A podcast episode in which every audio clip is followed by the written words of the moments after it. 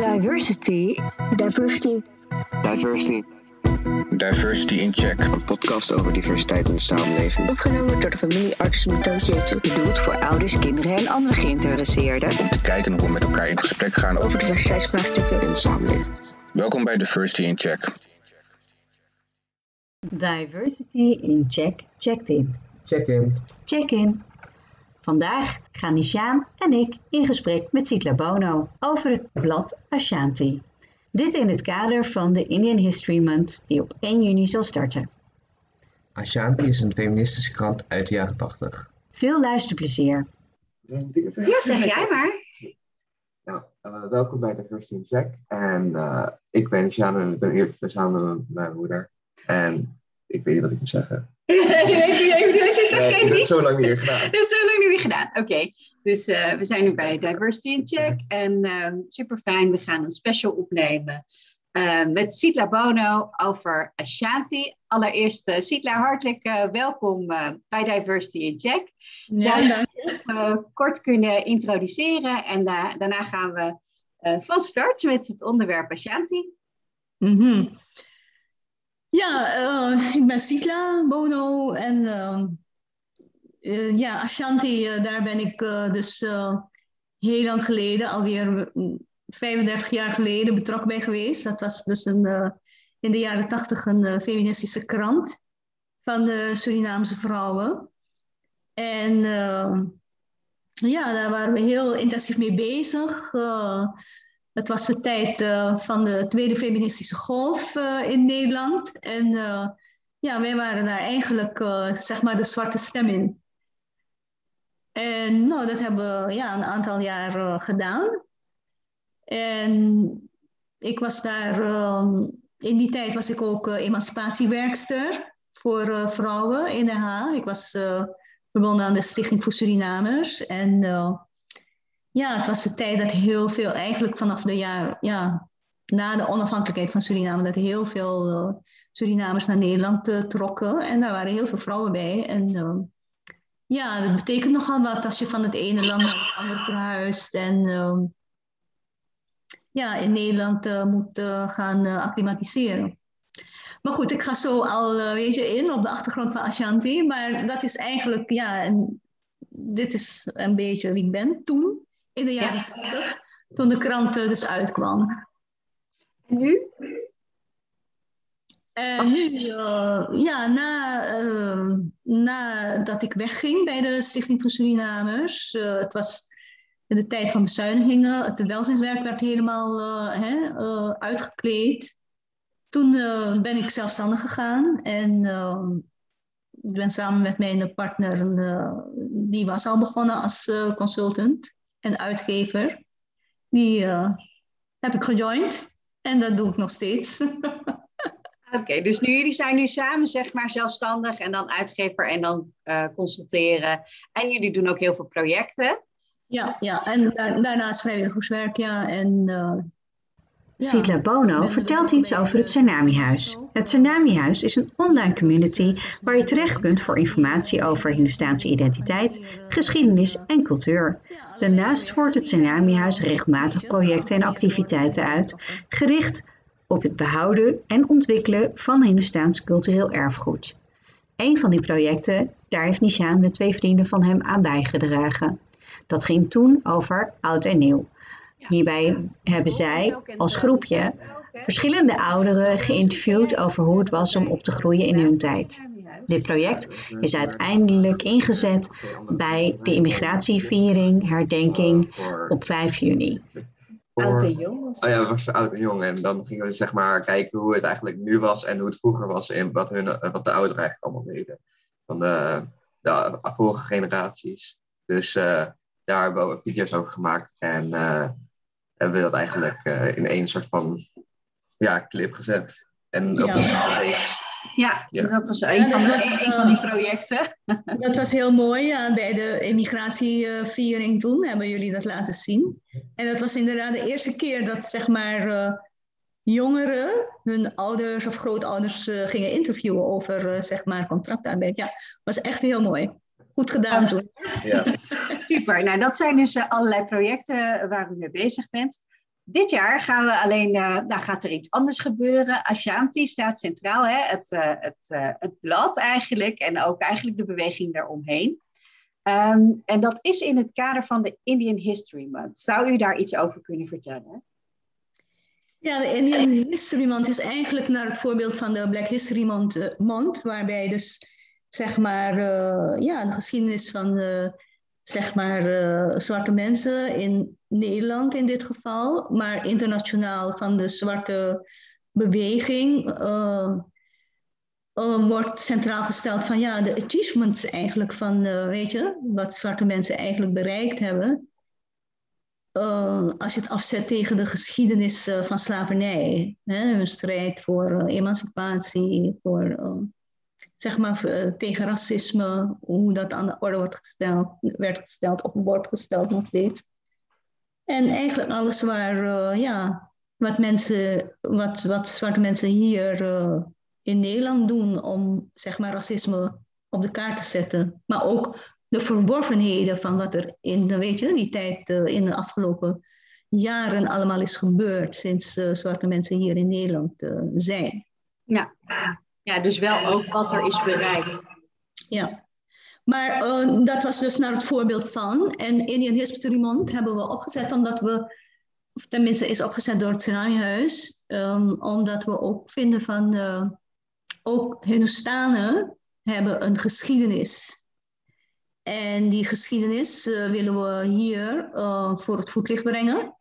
En met name zeg maar de geschiedenis van contractarbeid, weet je, de beweging, de migratie die Hindustanen hebben gemaakt van India naar Suriname en van Suriname naar Nederland. Over die, die, die, die geschiedenis van de contractarbeid is bij de jonge generatie nog uh, heel weinig bekend.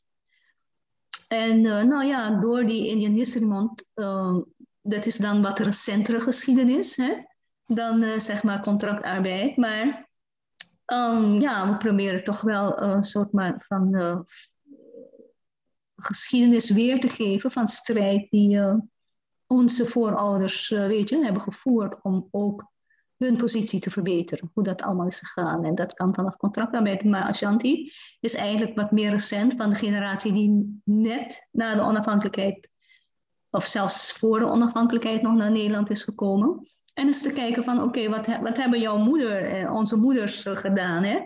Ja. Ons, uh, wat was hun strijd en uh, hoe, hebben wij, hoe brengen wij dat voort? Wij staan op hun schouders en straks staat, Nishan staat op jouw schouders of van, van jou en je vader. ja, ze, wat hebben we van ze meegekregen en hoe kunnen we dat laten zien aan de, weet je, aan de generaties die komen? Ja, supermooi natuurlijk. Um, en dan ben ik zo benieuwd, hè, want uh, in de jaren 80, nou ja, goed, goed en wel in de jaren 70 zijn er natuurlijk hele grote groepen Hindustanen naar Nederland gekomen, ook mijn ouders. Um, en uh, nou, dan waren ze hier, dan is het veel, nou, veel overleven, veel kijken van, nou, wat kunnen we hier nou eigenlijk doen? Hoe kunnen we ons een beetje vestigen? En uh, en we hebben daar ook best wel wat gesprekken over van hoe dat dan moet zijn gegaan. Mijn ouders waren helemaal niet opgeleid. Uh, dus die hadden het vooral van hoe kunnen we werken en dan het gezin verder brengen. Uh, dat was de grootste focus. Dus ik ben heel benieuwd dan hoe zo'n uh, beweging als, of zo'n blad eigenlijk, als Shanti dan tot stand komt. Nou ja, wat ik al eerder zei, um, ik werkte toen voor, als emancipatiewerkster. En in die tijd dat ik daar begon, ik kwam uh, van de Sociale Academie, in 1980 was dat.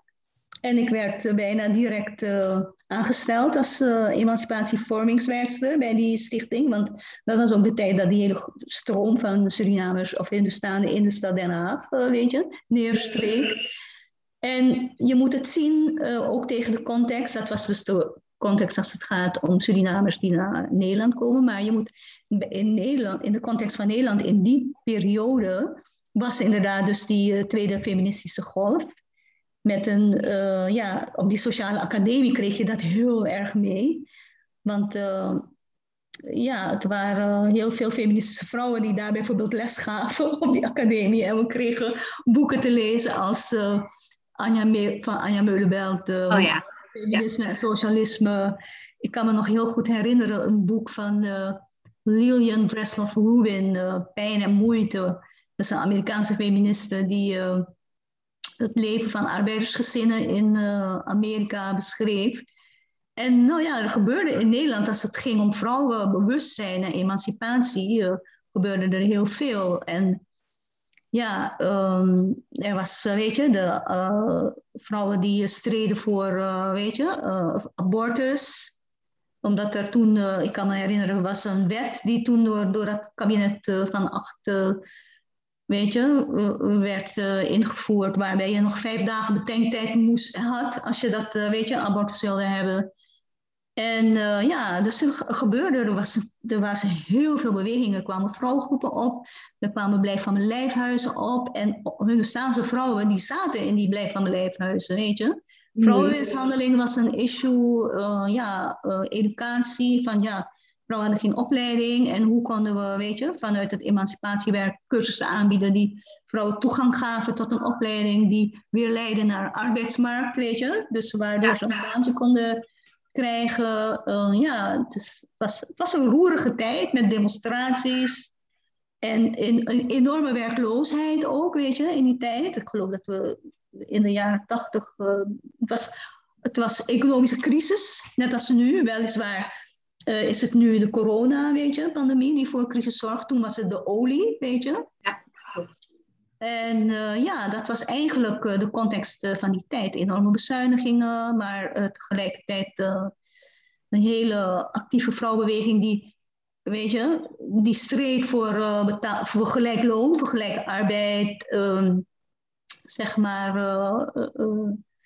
tegen vrouwenmishandeling. En ja, dat, het, ja het, was, het, er gebeurde gewoon een heleboel. En dat beïnvloedde ons ook. Maar wij hadden zoiets van, wij willen ook de zwarte stem in die beweging laten horen, omdat in die witte beweging, ja, mensen niet zozeer zagen, uh, die hun Staanse zwarte vrouwen zaten met heel andere problemen dan, uh, zeg maar, de leiding van, uh, zeg maar, die, die witte vrouwenbeweging. Hmm. En ja, wij, wij probeerden daar een, een stem aan te geven. Ja. Via de krant, omdat de krant, wat je dan zag, is dat de krant ja, een heel goed middel is om vrouwen te organiseren. Want je, dat is duidelijk echt letterlijk zijn stem geven, doordat ze konden erin schrijven. En ja, als je de onderwerpen in die krant uh, ziet, dan, uh, ja, dan zie je ook van waar we het allemaal over gehad hebben. Over seksualiteit, over uh, verblijfsvergunningen, over homos lesbische vrouwen, weet je, die ook een... Weet je, uit, die ook gewoon vrij wilden zijn en niet ergens, weet je, uh, achteraf, uh, die wilden gewoon er zijn in, die, in de gemeenschap. Maar dat was allemaal nog heel moeilijk in die tijd. Nishan is van plan de opleiding sociaal werk te gaan volgen. Uh, en uh, het mooie ervan is dat de connectie direct wordt gemaakt tussen de opleiding van Sitla, want zij heeft voorheen de sociale academie gevolgd, en de opleiding die Nishan wil gaan volgen, namelijk de opleiding sociaal werk. Beide met de inzichten om de samenleving iets beter te maken en te kijken wat je daaraan kan bijdragen. van wat dan sociaal werk heet. En uh, ja, jij wilde met een ander soort van onderwerpen bezig zijn. Weet je nog wat je zei? Ja, met, uh, met die daklozen. Oh ja. En, uh... ja. twee, twee hele grote gebouwen. En ik had gedacht, zeg maar, als je dat gewoon kan omzetten naar een soort van shelter voor daklozen, dat ze daar Ja. gewoon voor tijd kunnen zijn met douche en eten en zo. Dat ze Zeker. slapen. Dan Ja. een nieuw leven beginnen. Dus dat dacht, Ja. daar dacht ik aan. Ja, Dat zou echt geweldig zijn. allemaal gewoon dat soort ideeën. Dus ik zei van, oh nou, Ja. dan gaan we kijken naar een opleiding die daarbij past. was nog Ja. voordat hij hier had. Maar goed, vanuit de sociale academie, zeg maar, eh, zijn dus heel veel mensen opgeleid die met die sociale vraagstukken bezig zijn. En als we kijken naar, ehm, naar het werk van Citla, dan, dan, dan zie je eigenlijk dat dat emancipatieproces, wat al eigenlijk gaande was voor vrouwen zelf, eigenlijk heel specif wat specifieker aandacht kreeg voor Hindustaanse vrouwen. om ze ook mee te nemen op die golf, maar wel wat specifiekere aandacht uh, daarvoor. Um, en met wie zat u dan? En met wie maakte u dat uh, blad dan? Uh, ja, dat waren een aantal vrouwen die, die, die actief waren in, zeg maar, organisaties um, ja, die onderdeel waren van de linksbeweging. De, het eerste nummer is gemaakt door, door mij, door Garitje Tjuni, door Sita Kalku. Zij zat in het onderwijs. Garitje die was vormingscursusleider bij een volkshogeschool. En Chitra Gayadin, die was dichter, die schreef gedichten. en Monique Douglas, die, uh, die deed een opleiding uh, voor museologie. Oh. En ik, en ik weet ook niet van, uh, ja, we zijn via de organisaties, ja, als je in de vrouwenbeweging actief bent, weet je, als je in vrouwengroepen zit, dan kom je elkaar tegen ergens. Oh ja, en ja, de achtergrond was ook, we waren in die tijd ook, de zwarte vrouwen organiseerden landelijke vrouwendagen. Hmm. Uh, waar ze elkaar ontmoeten. In Amsterdam was er geloof ik één. En uh, nou, daar ging iedereen die iets met feminisme of met vrouwen deed, die ging daarheen. Van, oh, en daar zo leerde je elkaar kennen. En daar ontstonden allerlei uh, initiatieven. En ja, zo'n krant, ja, dat was eigenlijk uit de linksbeweging leer je dat een krant een heel goed organiserend middel is. Garitje kwam bijvoorbeeld uit het Jamparaj Guru collectief. Dat is een groep van linkse Hindustanen hier uh, in Den Haag. En ik kwam eigenlijk in aanraking via, via mijn opleiding, weet je, met, met het zeg maar linkse gedachtegoed. En van daaruit uh, hebben we gezegd van, hé, hey, we moeten, weet je, we moeten... En dit was dan naast uh, het werk dat ik bij de Stichting voor Suriname deed, hè, want we, in de vrouwenbeweging was, was autonoom. Wij deden, zeg maar, onafhankelijk uh, van een partij of van, weet je, van een, van een gesubsidieerde instelling, deden we dat. Ja. En dus het was eigenlijk een soort van twee, twee sporen, weet je. We hadden, de vrouwen hadden allemaal banen in, in het, in, weet je, die iets te maken hadden met uh, weet je, positie van vrouwen verbeteren. Ja, precies. Maar daarnaast waren we politiek actief. En in dat politieke werk deden we dus die krant. Ja, oh, oké, oké. Daar konden we zeggen wat we wilden, weet je. We hoefden ergens... Ja, niet vanuit een organisatie en zo. Ja, we, waren, we waren echt een autonoom blad, werkten van, ook vanuit een collectief. Ja. Het heette ook, het, vanuit de krant is het Ashanti-collectief opgezet. En van daaruit deden we allerlei uh, activiteiten. We hadden bijvoorbeeld een koor, uh, Garitje had een toneelgroep.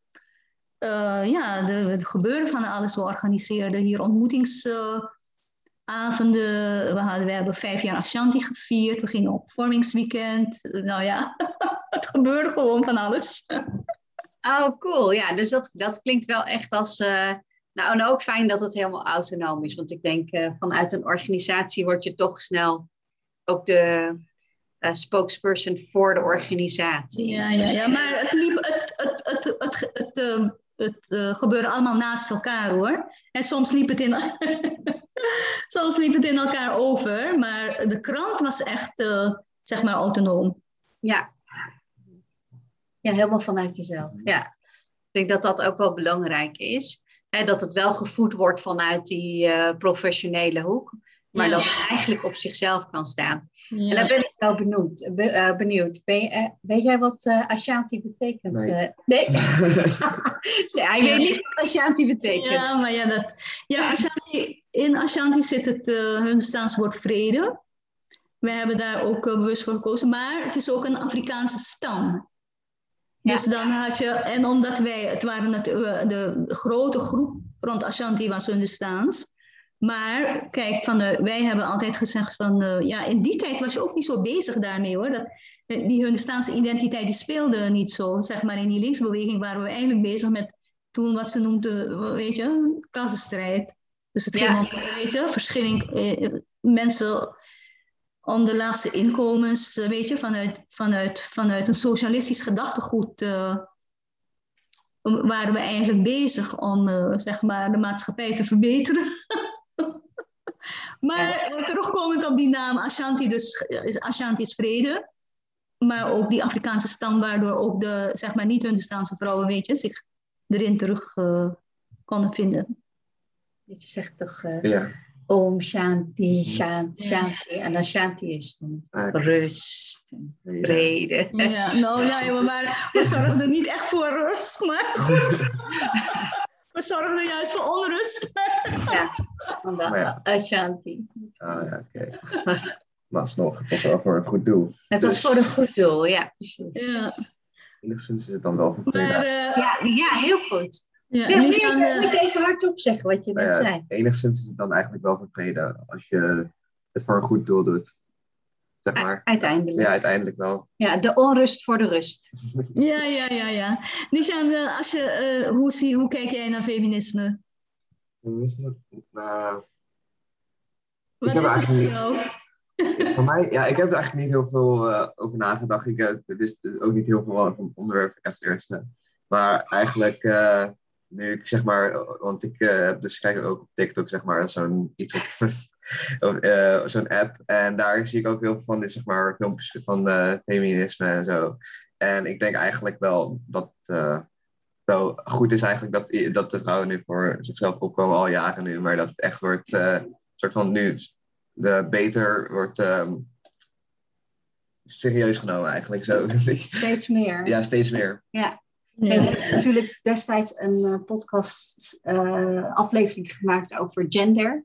En over genderverschillen. En toen hebben we het ook wel over inkomensverschillen gehad. En eh, doorontwikkeling van vrouwen en hoe dat gaat. Maar dat is toch lastiger als je het zo zelf bespreekbaar maakt. Dan als de jongeren zichzelf, hè, bijvoorbeeld met zo'n TikTok-filmpje, dat is veel meer van nu. Ja.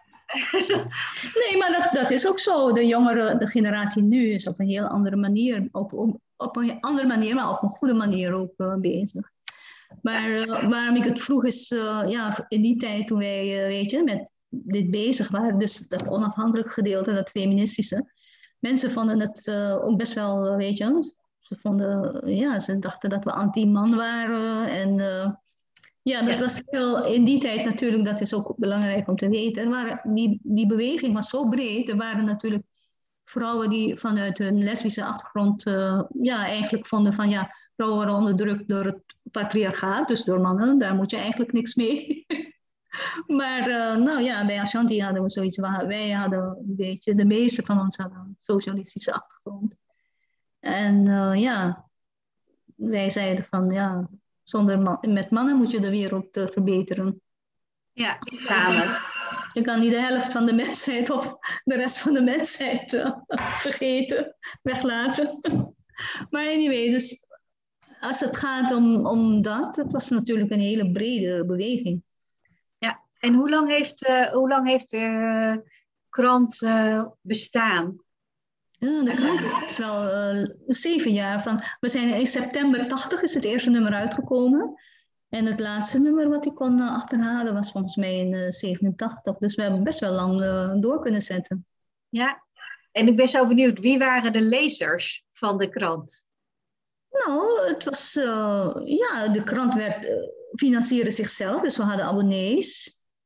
Gewoon, en we verkochten de krant eh, overal. eh, de, de krant was te krijgen bij de, bij de vrouwenboekhandels. eh, weet je, we hadden allerlei verkooppunten. En eigenlijk de vrouwen die met, weet je, met emancipatie bezig waren, maar ook gewoon huisvrouwen hoor. Die, soms waren artikelen best wel eye-openers voor hun. Ja. We schreven veel over seksualiteit. En ja, als je de artikelen leest, was, weet je, bijvoorbeeld dingen als. Er was een vrouw, een artikel die ik zag, een kop van ja, hij ontwikkelde zich ten koste van mij. Dat was, weet je, was een vrouw die altijd maar moest werken en die man die ging studeren en eh, weet je, moest, kreeg altijd een nieuwe jas en een nieuwe kleren en de vrouw was thuis en huisvrouw en hij ging verder en zij bleef achter. Dus dat, Ja. soort, dat soort ervaringen, weet je, kreeg je dan. Of eh, weet je, racisme. En, eh, ja, dus het was, het was best wel een brede groep. We berichten ons ook, en dat kun je ook zien aan het taalgebruik, aan de hele gewone vrouwen die, eh, weet je, op de cursussen kwamen, die wij organiseerden. Ja. Maar tegelijkertijd, je moet die vrouwenbeweging ook zien als gelaagd. Hè? Je had natuurlijk een groep van zeg maar intellectuele vrouwen, die bijvoorbeeld zeg maar de theorie van de vrouwenbeweging een beetje zeg maar eh, daarover nadachten. En je had natuurlijk de vrouwen die met hun voeten in de modder stonden en het organiserend werk deden als het ging om, weet je, bewustwording. Ja. Ja, cursussen en trainingen. We deden assertiviteitscursussen, weet je. Van wat doe je, weet je, vrouwen vertelden van, ah, ik zit met dat probleem, hoe ga je ermee om? En dat speelden we daarna. Ja, En dan gaven andere vrouwen commentaar erop van, hé, dit zou je kunnen doen, of waarom doe je dit? Ja. echt eh, interactieve intervisie of zo. of eh, met elkaar. Ja, kijk, ja, eh, vormingswerk, emancipatiewerk, is, het gaat ook om gedragsverandering, weet je. Van, het zijn patronen waar je in vastzit en waar je uit moet zien te komen. En dat deden we op, op die manier. Ja. Maar we hadden naast, weet je, vormings, echt vormingscursussen ook gewoon, hoe kom ik aan werk, weet je. Wat voor Ja. opleidingen zijn er, dat soort dingen. Ja, heel specifiek gericht op eh, van, van dat soort ook emancipatoire eh, ontwikkelingen natuurlijk. Ehm, wat, ik dat, wat ik dan denk van, was die krant nou alleen voor, was dat een landelijke of was het echt een Haagse krant? Nee, dat was landelijk.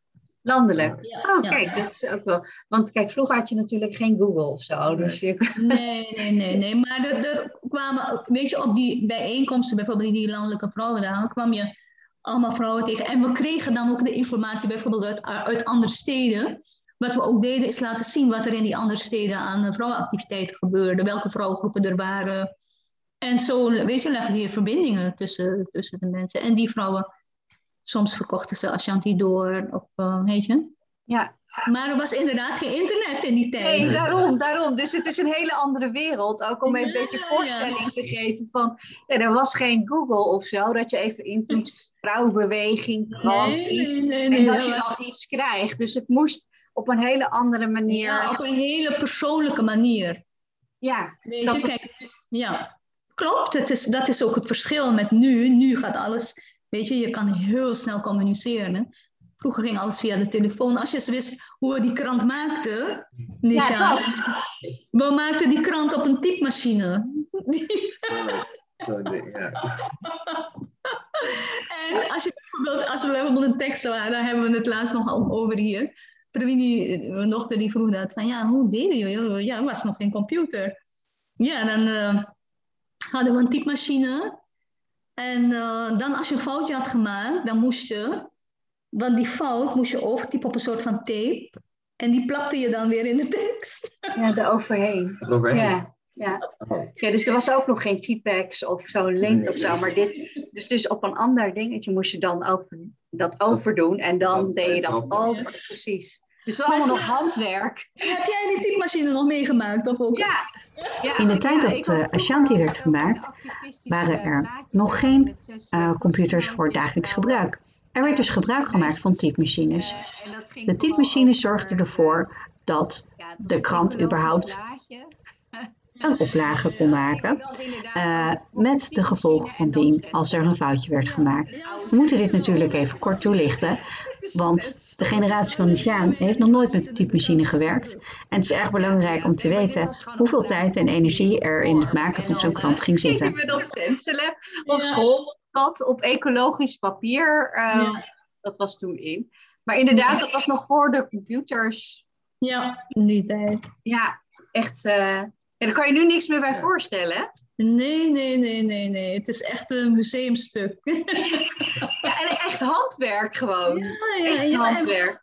En we waren echt avonden bezig bij elkaar, bij, bij iemand thuis zaten we die krant te maken en typen en de foto's te zoeken. En, eh, Ja, kijk. maar het was, wel, het was wel gezellig om dat te doen.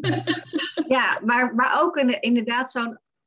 Ik denk het maakproces zorgt dan ook voor een ander soort van verbondenheid. Omdat je het Ja. inderdaad echt fysiek bij elkaar... je moet zeker. echt met elkaar Ja. zitten en focussen En en, je, dat doen. praat, ja, je praat ook over de artikelen en eh, weet je, dus uh, dat was echt uh, wat, een collectief uh, gedachte. We, we, ondertekenden die artikelen bijvoorbeeld ook niet met onze namen, hè? Nee. Het was allemaal, uh, ja, maar we weten nog ongeveer wel hoor. Wie wat had geschreven. en wat weer voor heel veel commotie zorgde.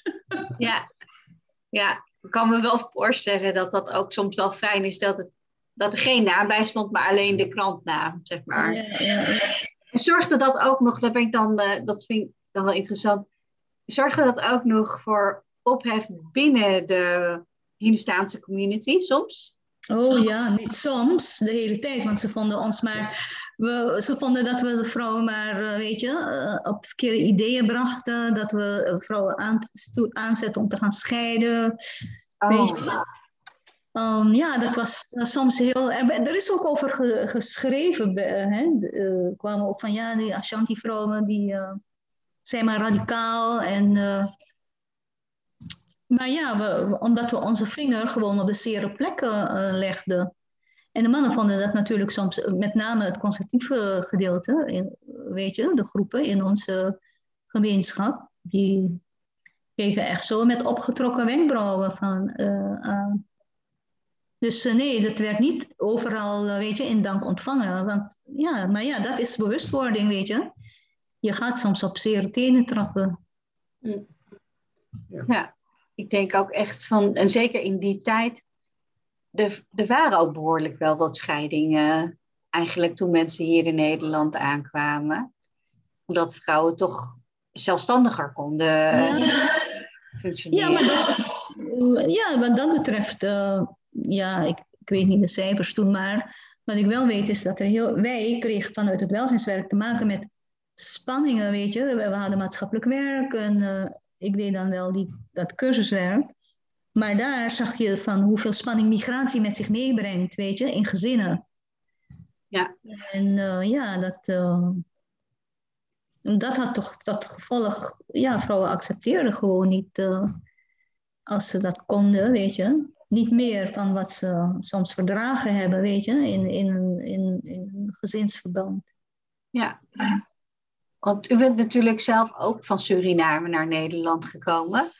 En bent u dan zelf gekomen of nog met uw ouders? Nee, ik, ben, ik, ben, uh, ik was 14 toen ik hier kwam in 1971. Ik ben samen met mijn zusje gekomen. Maar mijn, ik ben, uh, uh, mijn familie, mijn broers en zusters waren hier al. Dus het was een soort oh, ja. van langzame migratie. Eerst de oudste ja. kinderen. Wij zijn opgevangen door mijn, mijn oudere broer. En mijn moeder is aan het eind gekomen.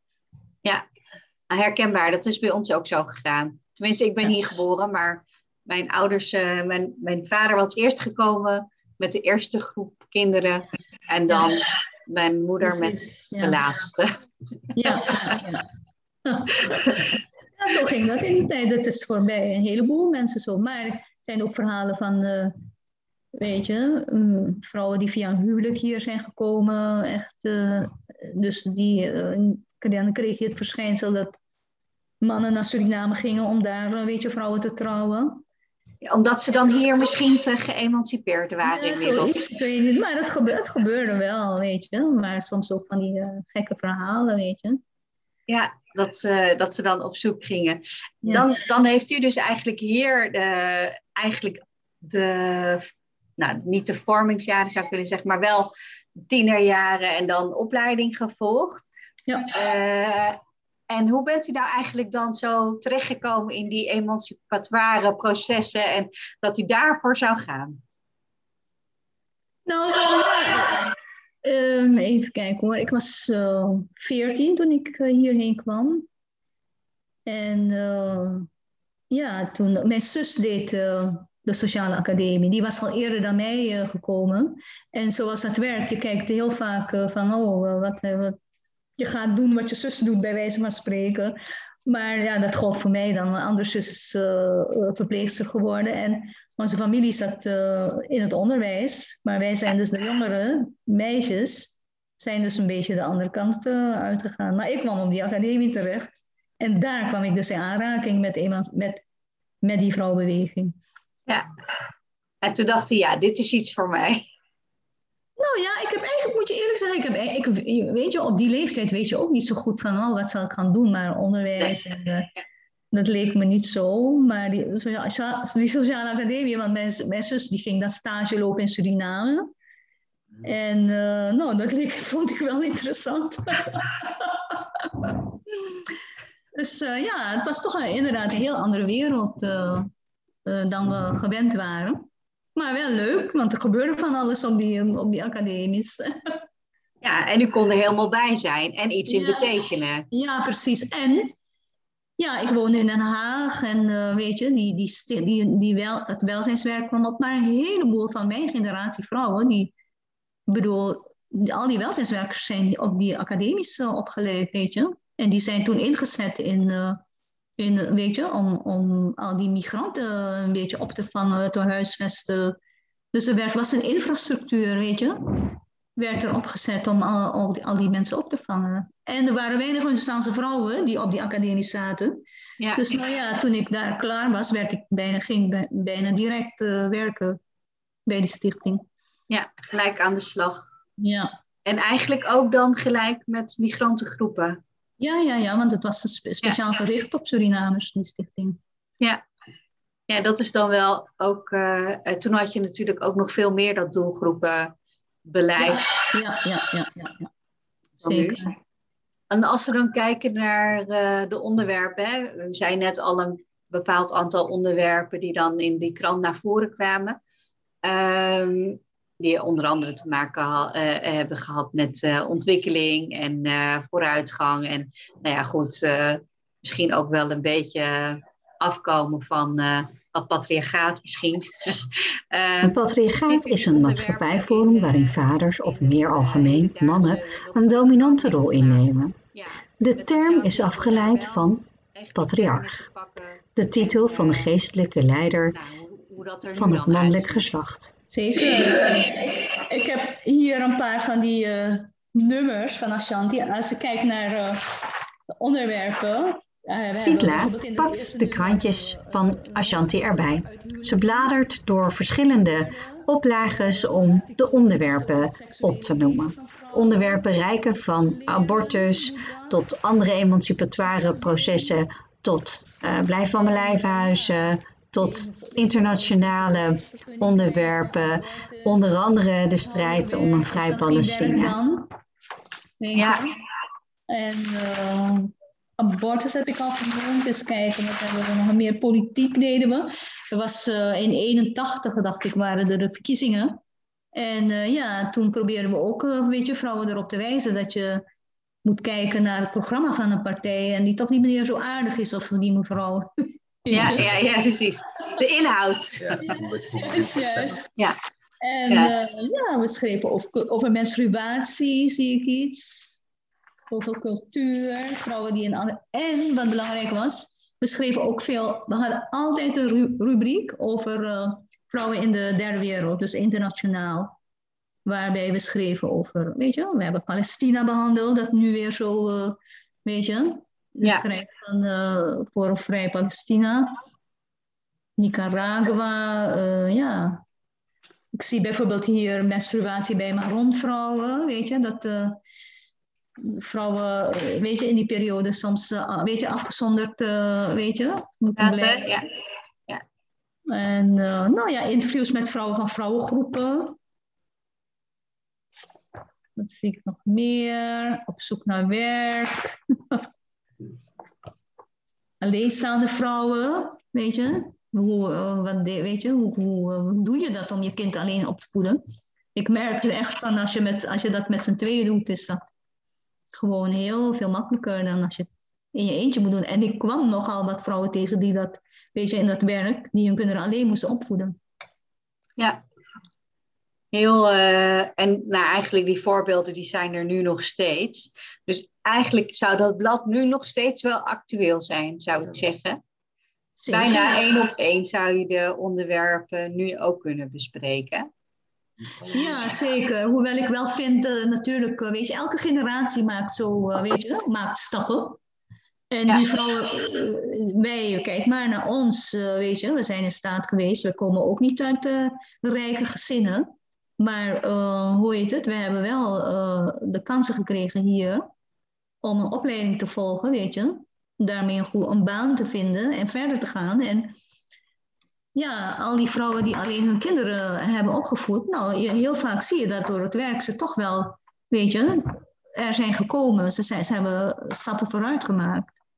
Ja. Zeker. En, kijk, en de, onze kinderen weer, die gaan het weer anders doen, weet je. Ja, die krijgen weer een andere soort van ruimte. Ja. Wat, zei, wat zei jij nou net nog over die onderwerpen? Nou dat er nu eigenlijk veel meer eigenlijk aan de hand is en dat je daar meer over kan schrijven of over kan praten. Omdat er over de jaren heen eigenlijk eh, Zoveel ontwikkeld. zoveel ontwikkeld is en meer over is gekomen. Ja, klopt. En jullie denken er nu ook alweer anders over. Ja, Ja. Nee, maar bijvoorbeeld rolpatronen. Vroeger was het zo dat de man ging werken en de vrouw eh, het huishouden deed. In heel veel eh, gevallen. Maar de jongeren tegenwoordig zijn, kijken daar, weet je, denken daar best wel aan. Denk ik hoor. Eh, tenminste, in de kringen waar ik kom, eh, is het niet zo vanzelfsprekend dat die jongens niks doen in het eh, huishouden. Nou, dus heer, hoe is dat hier? Ik doe niks. Maar en nou ja, iedereen doet eigenlijk wel wat eigenlijk in het huishouden. Nou ja, dat is wel een taak, weet je, een taakverdeling. Ja. En eh, ja, ik heb ook wel altijd gezegd van ja, het gaat er niet om eh, of de man meehelpt in het huishouden, emancipatie. Het is wel belangrijk, maar het gaat om economische zelfstandigheid. Weet Ja. je, dat je een eigen inkomen hebt en dat je niet afhankelijk bent eh, van die man. Dat is echt, vind ik, zo belangrijk. Ja, ja, ik denk dat wij, in elk geval bij ons, daar nou, heel erg op hameren dat iedereen uiteindelijk economisch zelfstandig is. Ja. En dat we er ook op hameren dat eh, we allemaal iets doen. Ja. En, eh, en dat dat, erin blijft. Dat je gewoon, Ja. dat gewoon alles verdeeld is. dat alles verdeeld is. Iedereen doet zijn eigen was. Precies. Dat is groot genoeg. Ja. Dus gewoon eigen, je eigen wasjes draaien, je eigen, nou, je eigen spulletjes opruimen, kamer, af en toe even stofzuigen, het huis en zo. En, en ik heb er zelf wel een punt gemaakt, van gemaakt dat ik in elk geval niet in mijn eentje ga zitten doen. Heel helder. Het is fijn als het gewoon vanzelfsprekend is, weet je, dat iedereen eh, meehelpt. Maar er zijn genoeg Ja. gezinnen waarbij de jongens eh, niks hoeven te doen en eh, die weten misschien een eitje te bakken. Maar als je, als je thuis ziet dat je vader ook de, weet je, het eten klaarmaakt, voor sommige mannen is dat een crime. Wat? Ik achter het fornuis staan. maar ja, dat soort rolpatronen die er heel diep in zitten, kun je dan, weet je, eh, eh, als eh, ouders, weet je, als je dat laat zien, dan nemen je kinderen dat ook over. Ja, ik denk wel dat bij ons zelfs ook met eten koken en zo, dat, Ja, dat jullie dat ook gewoon doen. uiteindelijk wel. Uiteindelijk wel. Ja, ik vraag ze gewoon om af en toe iets te maken. Dan denk ik van, ga maar. Ja hoor, dat is. Maar ja, als je het, het, het heeft, dat bedoel ik met overbrengen van gedrag, toch? Ja, Gedragsverandering, eh, emancipatie is gedragsverandering. Weet je, wat goed is, wat je graag zou willen, wat je anders zou willen, dat je dat ook in de praktijk eh, kan brengen. Maar ook het verwoorden van dingen. Van, ja, van hoe, hoe voel je je, eh, hoe kijk je aan tegenover als je ergens mee zit, weet je. Dat zijn dingen. Ja. Maar mannen hebben daar soms heel veel moeite mee om dat, weet je, te vertellen. Waardoor je niet weet wat er is. En dan, ja. dat klopt. Maar ik denk van dat in de generaties van nu dat dat verschil veel minder is, denk ik toch? Want Ja. als je ziet waar wij het allemaal ja. over hebben thuis. Maar ja, ik denk dat het ook gewoon bij andere huishoudens en zo ook allemaal daarover gaat. Nou, niet per se dat het zo wat wij nu doen, maar dat het wel steeds meer richting die kant gaat. Dat, je meer, dat er meer wordt gesproken in elk Ja. geval. Ja, Niet dat, Dat het stil wordt ook. gehouden. nee. En ik denk Ja. ook van, je zoekt ook naar manieren om met elkaar eh, het gesprek op te zoeken. Meestal gaan Ja. wij gewoon wandelen. En Ja. dan praten, dat is makkelijker. Ja. Dan kom je vanzelf al op onderwerpen waar je het over kan hebben. Eh, ja, maar hoe kwamen we hier ook weer op? Die Nou, dat, dat het allemaal verandert. Dat, dat, eh, hè, dat de onderwerpen misschien wel hetzelfde zijn, maar dat de manier waarop eh, met die onderwerpen bezig gaan en wie er allemaal met die onderwerpen bezig zijn, dat dat wel een beetje anders daaruit is gaan zien. En ook hoe het wordt ontvangen. Ik denk van waar het eerst misschien heel erg alleen maar gelinkt was aan een soort van ehm, feminisme, waarbij mannen misschien wel ook aan de kant werden geschoven, dat het nu meer is van Nee, we vinden het allemaal, iedereen vindt dit belangrijke ontwikkelingen. Dat die gelijkwaardigheid er meer is. En eh, nou ja, iedereen even tussen aanhalingstekens, maar dat het wel meer geaccepteerd is dat je het over dit soort onderwerpen hebt en dat die onderwerpen ook wel verder zijn gekomen dan eerder. Zeker, er is uh, wel zeker voortschrijdend inzicht, noem ik het maar. Ook in de vrouwenbeweging. Ik zie bijvoorbeeld uh, vroeger die Blijf van mijn lijfhuizen, die opvanghuizen voor vrouwen, die, die wilden, die adressen waren geheim en de mannen die, werden, die moesten het zelf maar uitzoeken.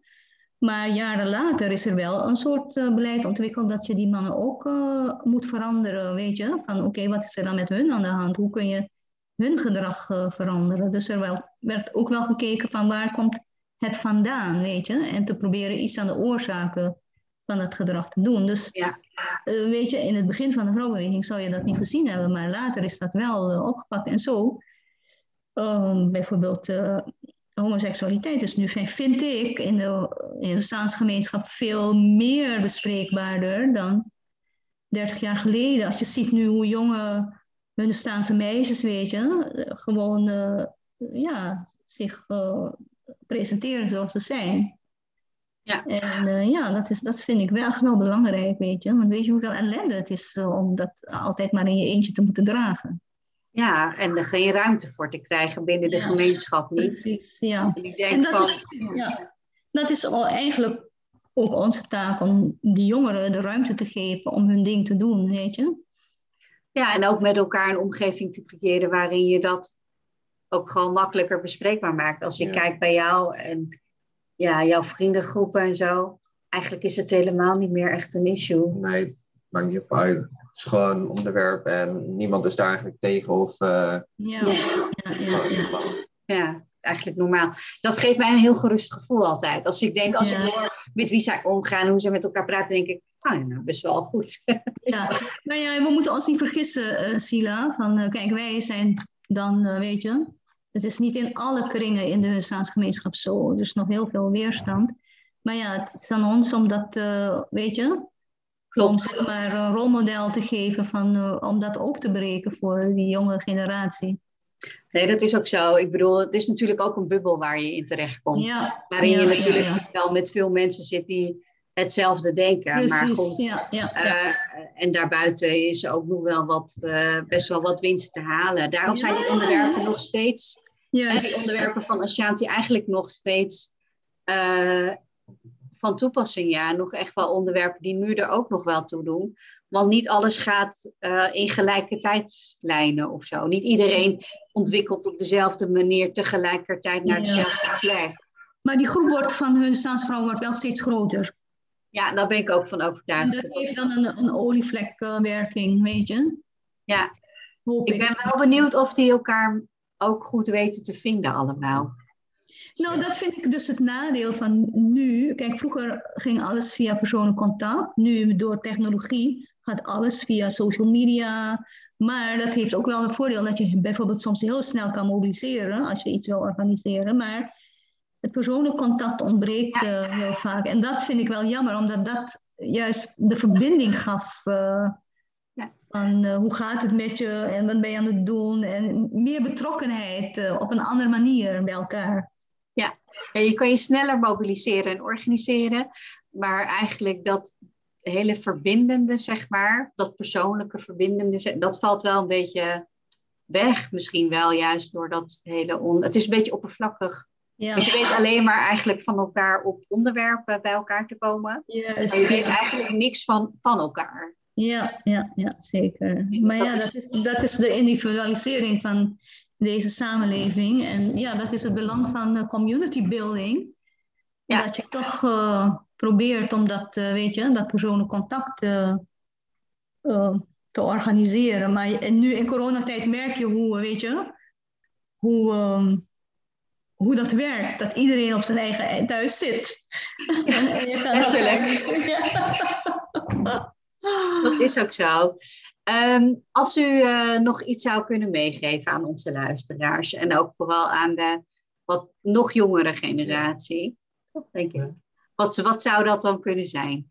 Dat u denkt, nou, Ja, ik zag dat je de, eh, de vraag eh, had geformuleerd als... wat kun je aan tieners meegeven over activisme, was dat het? ja, klopt.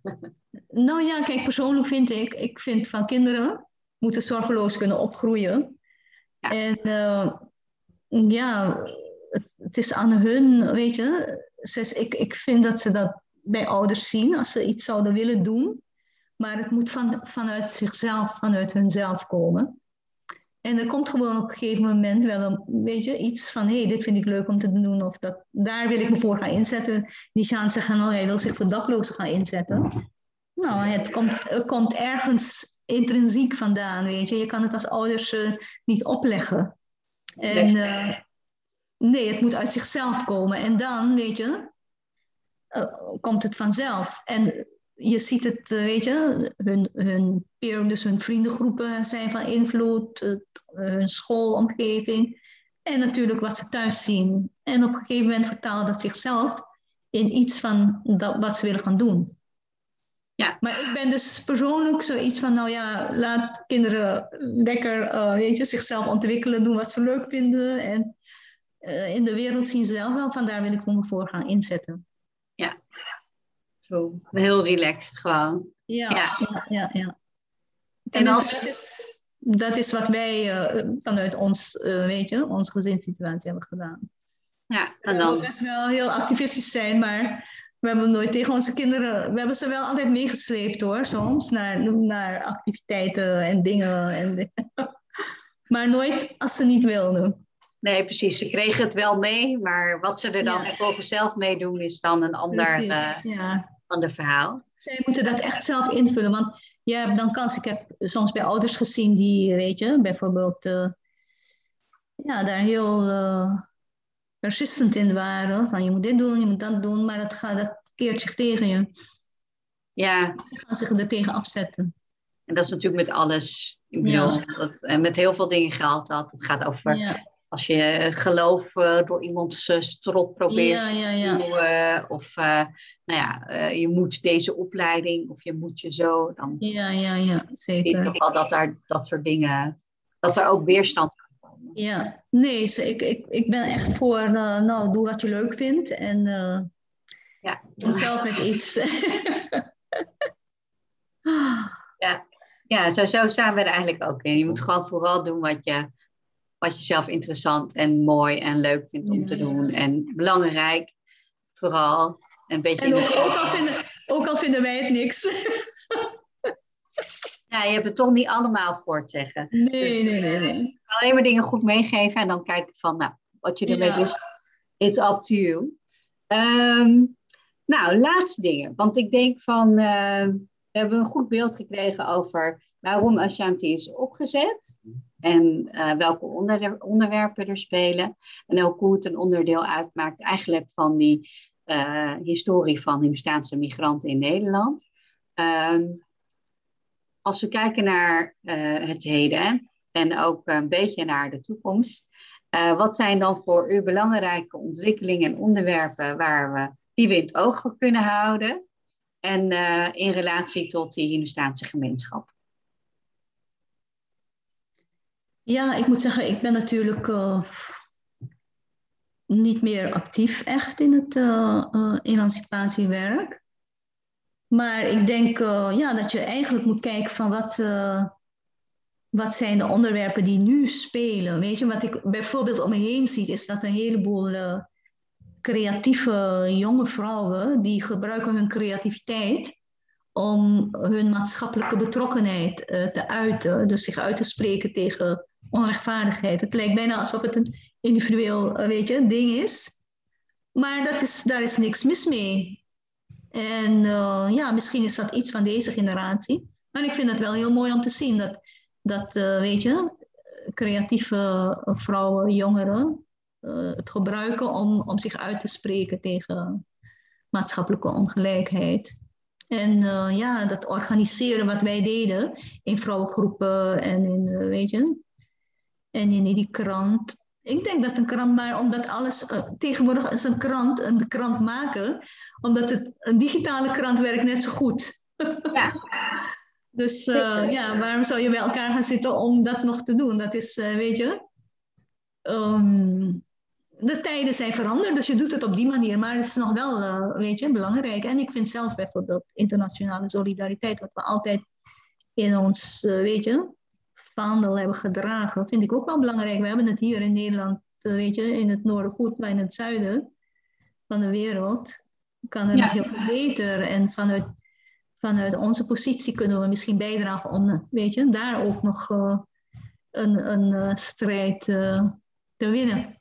Ja, prachtig. Zeker. Nou, super mooi. Ja.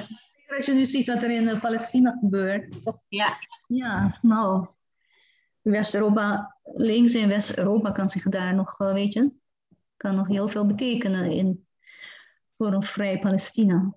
Zeker. Ik denk helemaal mee eens. Ik denk van, uh, daar kunnen we allemaal uh, ons wel over blijven uitspreken, denk ik. Het gaat bij tijd en wijle wordt er aandacht aan besteed en daarna dan zakt het weer zo weg uh, in onze ja.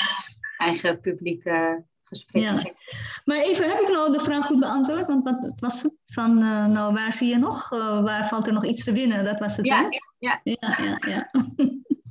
Ja, ja ik, denk, ik denk van wel. Ik denk dat, dat u heeft gezegd aan de ene kant nou, die individuele expressie en dan uh, in combinatie inderdaad met een kunstzinnige uiting op van dit soort emancipatoire of uh, activistische onderwerpen, dat dat een ontwikkeling is die, die misschien ook wel van deze tijdsgeest is. En aan de andere kant dat die digitale wereld ook impulsen kan geven om toch te blijven organiseren en, uh, en geluid te blijven geven. En dat onderwerpen, onder andere al, zoals die van um, de vrijheid voor Palestina en dat soort zaken, dat die eigenlijk een duurzamer geluid zouden moeten kunnen krijgen vanuit het Westen. Volgens mij zijn dat wel goede. Ja, nou ja, niet alleen Palestina natuurlijk, maar voor de rest van de derde wereld, weet je. Wat kunnen, we voor, wat kunnen we in die landen betekenen waar mensen nog heel veel, weet je, te winnen hebben? Ja. Met name voor de arme landen. Zijn er nu nog. Uh, um Hè, naast deze, deze invalshoeken zijn er nu nog dingen waarvan u zegt, nou, dit, dit moet ik toch ook nog eventjes kwijt. Dat kan nog. Nou, niet, niet echt. Volgens mij heb ik veel te veel gepraat. Nee, hartstikke goed. Dat is, uh, dat is juist leuk voor de luisteraar. Dan kunnen ze gewoon goed uh, um, uh, horen van waar het onderwerp vandaan komt. Hoe die krant eigenlijk tot stand is gekomen. Wat voor betekenis die had in die tijd. Uh, en ook fijn om te weten dat het een landelijke uh, krant was. Dat wist ik zelf niet. Dus dat uh, ja. ja, ook leuk om te weten. En ik ben gewoon super benieuwd hoe, het, hoe dit stukje van die geschiedenis nou, ook weer past in die grotere puzzel die we dan met elkaar aan het leggen zijn. Ja. Ja, nou ja, ik moet je eerlijk zeggen, ik heb er voor onze rol niet nooit niet eens echt zo goed bij stilgestaan. Maar toen ik die vraag deze, dit hele gebeuren is eigenlijk gekomen doordat een, een Aziatische studenten die belde op en zegt van ja, ik wil, uh, zij is van de Asian Raisins. Sitla ja. Bono refereert naar de organisatie Asian Raisins. Asian Raisins staat voor een inclusief Nederland, vrij van racisme, xenofobie of racistische stereotypen. Zo stelt hun website. Asian Racing zet zich in voor de emancipatie van Aziatische Nederlanders waar het stilzwijgen wordt verbroken. Verder wil Asian Raisins dat Nederlanders met een Aziatisch uiterlijk of origine zich verenigen en als één ploeg naar voren treden. Nu van later gaan we kijken, wat hebben die jonge vrouwen, weet je, die nu later dan ouder zijn, wat hebben ze gedaan allemaal?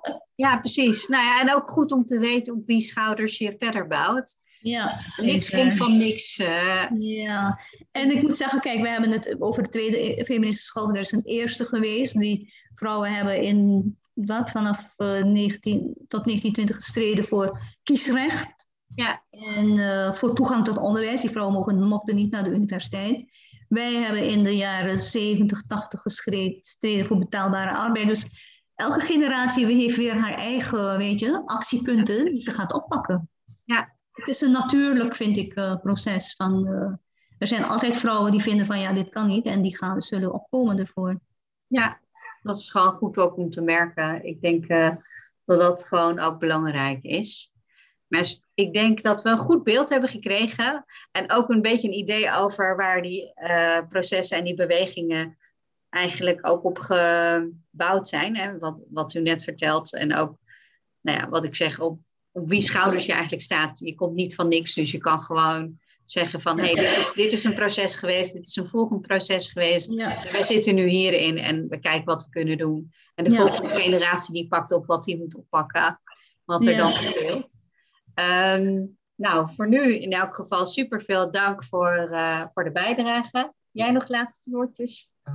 Ja, dat is, ja, hetzelfde eigenlijk. Bedankt dat je deze, deze special met ons zouden opnemen. En eh, dat ik eh, nu wat meer inzicht heb gekregen over wat het, eh, de krant eigenlijk was van Ashanti. Dus ja, Oké. Nou, leuk om hè, in gesprek te gaan met jullie. Ja, We danken je voor nu voor het luisteren naar Diversity in Check. Diversity in Check checkt uit.